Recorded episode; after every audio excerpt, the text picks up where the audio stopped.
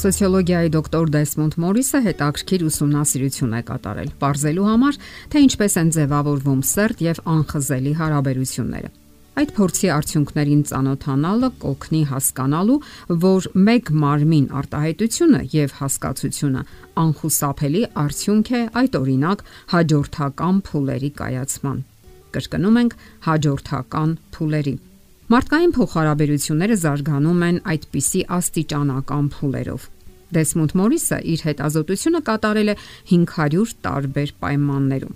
12 փուլերի օրինաչափությունը հաստատվել է դիտարկումների առնվազն 80%-ում։ Մարդկային հարաբերությունների առաջին փուլը պայմանականորեն անվանենք աչք մարմին։ Այսինքն, ինչ որ մեկը ձեզ դուր է եկել, դուք նայում եք այդ մարդուն եւ ինքներդ ձեզ ասում Նա գեղեցիկ է, նա համակրելի է։ Սկզբնական փուլում անznավորությունը ձեզ գրավում է միայն արտակինով։ Երկրորդ փուլ անվանենք աչք-աչք։ Այստեղ ի նկատի ունենք, որ ինչ որ մեկը ակնդետ նայում է դիմացինին։ Այս շրջանում երիտասարդ տղան նայում է աղջկան, իսկ աղջիկը տղային։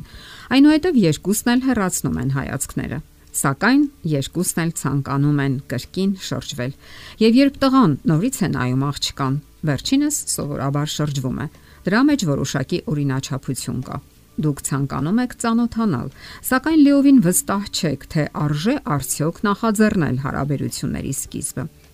Երորդ փուլ. Անվանենք ձայն-ձայն։ Ձեզ դուր է գալիս միմյանց հետ զրուցելը Երիտասարդները եւ նույնիսկ հասուն մարդիկ գերադասում են զրուցել հեռախոսով, որովհետեւ ավելի հեշտ է ինչ-որ բան ասել հեռախոսով, քան անձնական հանդիպման ժամանակ, հատկապես երբ զրուցակիցը ուրشادիր նայում է ձեզ։ 4-րդ փուլ. Ձերքը ձերքի մեջ։ Սա շատ կարևոր քայլ է։ Եթե դուք ամուսնացած եք, հիշեք, թե ինչ զգացի երբ առաջին անգամ հպվեցիք նրա ձեռքին։ Ձեզ չթվաց արդյոք, որ էլեկտրական հոսանք անցավ ձեր միջով։ 5-րդ փուլ. Ձերքը ուսին։ Այս փուլը նշանակում է, որ ձեր մեջ արդեն առանձնահատուկ փոխհարաբերություն կա, եւ դուք պատկանում եք միմյանց։ Դա տիրապետելու, տիրելու նշան է եւ ենթադրվում է փոխհարաբերությունների հետագա զարգացում։ 6-րդ փուլ՝ ձերքը մեջքին է, գոտկատեղին, կամ ձերքերը միմյանց գոտկատեղին են։ Այս դիրքում երիտասարդները կարծես սոսնձված լինեն։ Դրանով նրանք շրջապատին ուզում են ասել, որ նայում են աշխարհին մեկ ուղղությամբ, սակայն դեռևս չեն նայում միմյանց աչքերի մեջ։ 7-րդ փուլ՝ դեմք դեմքի։ Երբ դուք նայում եք միմյանց աչքերի մեջ, թվում է ձեր մարմնի մեջ ինչ որ քիմիական հակազդեցություն է տեղի ունենում սկսում են գործի դրվել սեռական շարժիչները եւ դուք այժմ ոչ թե պարզապես նայում եք միմյանց, այլ ձեր հայացքները դառնում են շատ պերճախոս։ Դուք արդեն չեք կարող ձեր հայացքը կտրել միմյանցից եւ համբույրը անխուսափելի է։ 8-րդ փուլ՝ ձերք գլուխ։ Մենք գիտենք, որ շատ քիչ մարդիկ կարող են իրենց թույլ տալ դիպչելու միմյանց դեմքին կամ գլխին։ Եթե որևէ անծանոթ մոտենա եւ դիպչի ձեր այտին, դուք հավանաբար մի կողմ կհրեք նրա ձեռքը եւ կջանաք ազատվել նրանից, որովհետեւ անծանոթը նման ձևով վարվելու իրավունք չունի ձեզ հետ։ 9-րդ փուլ. Անվանենք ձեռք մարմին։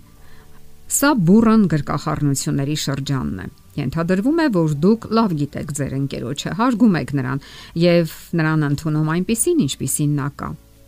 Եթե այդ շրջանում ձեր փոխհարաբերությունների մեջ հիմնախնդիրներ են ցակում, լինում են լուրջ վիրավորանքներ, դա կարող է հանգեցնել թյուրիմացությունների։ Եվ վերջին 3 փուլերը 10, 11, 12 անվանենք 1 մարմին։ Այս 3 փուլերը վերաբերում են բացառապես ամուսնական միությունը կնքելուց հետո ընկած ժամանակահատվածին, որը բնութագրվում է ֆիզիկական մերձությամբ եւ սեռական հարաբերությամբ։ Նշենք, որ այս փուլերը միշտ չէ որ հանգեցնում են ամուսնության, որովհետև կյանքում շատ են սրանց աղավաղումները, հաջորդականության խախտումները։ Ամեն դեպքում այս ամենը իմանալը կարևոր է եւ երիտասարդների եւ ամուսնացածների համար։ Լուրջ դիտավորությունների դեպքում պարզապես անհրաժեշտ է աստիճանաբար անցնել 12 փուլերը, ոչ թե միանգամից թռչել 8-րդ կամ ասենք 12-րդ։ Իսկ մինչ ամուսնական, արտամուսնական եւ հատկապես համասեռամոլական հարաբերությունները մեղմ ասած բարոյական չեն։ Նաև ասենք, որ ոչ մեկը եւ ոչ մի բան չպետք է խանգարի ամուսնական հարաբերություններին։ Սողոսկի ամուսինների անձնական կյանք։ Զույգը պարտավոր է խնամքով պահպանել անձնական մերձ կյանքը հետաքրքրասեր, պարապ սարափայացքներից եւ վտանգավոր միջամտություններից։ Զույգը պետք է վստահի միմյանց, ժամանակ հատկացնի միմյանց։ Ամուսնական ուխտը ոչ միայն ֆիզիկական, նաև հոգեվոր եւ ֆիզիոլոգիական կապ է։ Դա շարժուն, հարաճուն, փոխհարաբերությունների գործընթաց է։ Ամուսինները պետք է սովորեն համատեղ լուծել ընտանեկան հիմնախնդիրները եւ գիտակցեն միմյանց անատոմիական, մտավոր եւ հոգեբանական տարբերությունները։ Հարկավոր է ողջ կյանքում պահպանել հավատարմության խոստումը։ Մարդը մոնոգամ հարաբերությունների համար է ստեղծված։ Ամուսինները պարտավոր են սատարել միմյանց, Աստված առանձնահատուկ ամուր ու սերտ է ստեղծել ամուսնական հարաբերությունը, եւ մեր նպատակը պետք է լինի ամեն գնով պահպանել սրբազան հանգույցները։ Այդ հարցը համակողմանիորեն քննարկող հեղինակը այսպես է գրում. Չնայած առաջացող դժվարություններին, բարդություններին եւ երբեմն ապարուրող վհատությանը,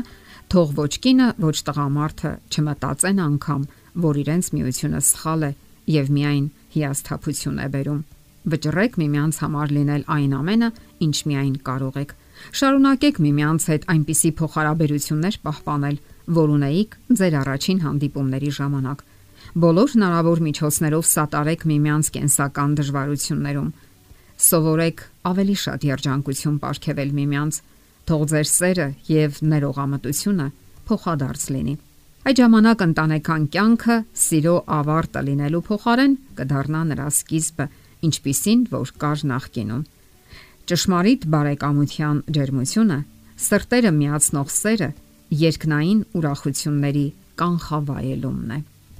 Եթերում է ճանապարհ երկուսով հաղորդաշարը։ Ձեզ հետ է Գեղեցիկ Մարտիրոսյանը։ Հարցերի եւ առաջարկությունների համար զանգահարել 033 87 87 87 հեռախոսահամարով։